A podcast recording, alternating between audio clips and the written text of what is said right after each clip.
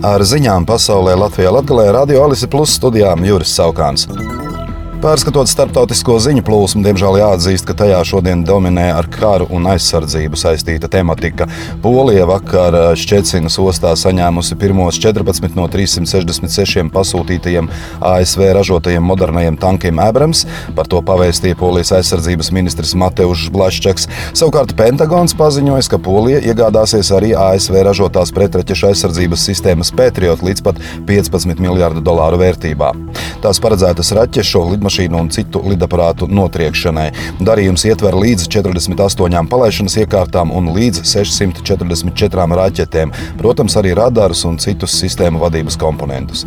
Polijas prezidents Andrzejs Duda vizītes gaitā Kijevā paziņoja, ka Krievijas algotņu grupējuma Wagner karotāju atrašanās Baltkrievijā var radīt potenciālus draudus reģiona valstīm un tikšot spērti attiecīgi soļi aizsardzības uzlabošanai.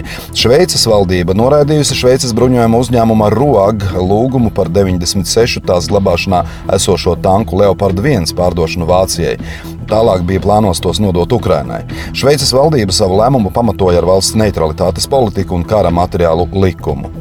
Ukrainas prezidents Volodimirs Zelenskis paziņoja, ka Ukrainas uzvara karā ar Krieviju vairs nav sapnis, bet realitāte. 27. jūnijā Ukrainas bruņotie spēki bija pavirzījušies uz priekšu visos virzienos, kur notiek ofensīva un sekmīgi atvairījuši uzbrukumus.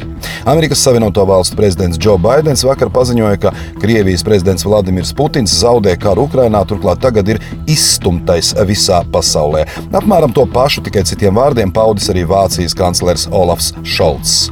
Un vēl Sauda Arābijas pilsētā Džidā vakar pie Amerikas Savienoto Valstu konsulāta piebrauca automašīnā cilvēks ar šaujamieroci rokā un nogalināja apsargu, taču arī pats gāja bojā apšaudēm.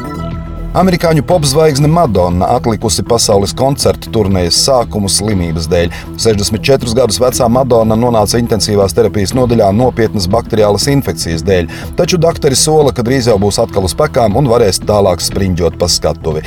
Koncertu turnējā Celebration plānoti vairāk nekā 80 koncerti, sākot ar Vankūveru 15. jūlijā, bet 14. oktobrī ar Londonas koncertu iecerēts sākt turnēju Eiropā. Lietuva turpina centienus pārliecināt kolēģus abās pārējās Baltijas valstīs pātrināt elektrotīklu sinhronizāciju ar kontinentālās Eiropas tīkliem. Pašlaik Baltijas valstu elektroapgādes sistēmas ietilpst Krievijas elektroapgādes sistēmā, tā devētajā lokā Brel. Tā ir abreviatūra no Baltkrievijas, Krievijas, Igaunijas, Latvijas un Lietuvas valstu nosaukumiem. Tas rada gan ģeopolitiskus, gan enerģijas drošības riskus, jo Krievija kontrolē apgādes sistēmas frekvenci un var ietekmēt Baltijas valstu elektroapgādes sistēmas darbību. Arī Eiropas komisija komisijas vērtējumā Baltijas valstu elektrotīklu sinhronizācija ir politiska un finansiāla prioritāte, kuras īstenošanai piešķirti vairāk nekā 1,2 miljardi eiro.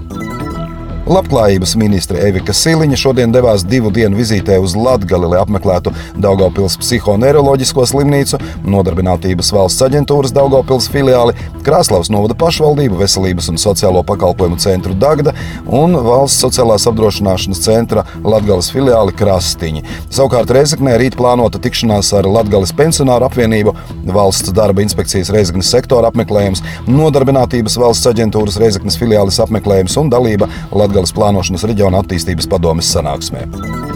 Jēkabils pašvaldība cer jau šogad apgūt aptuveni 5 miljonus no plūdu seku novēršanai pieejamajiem līdzekļiem. Tā paudis domas priekšsādātājs Raivis Ragainis no Latvijas Zaļās partijas.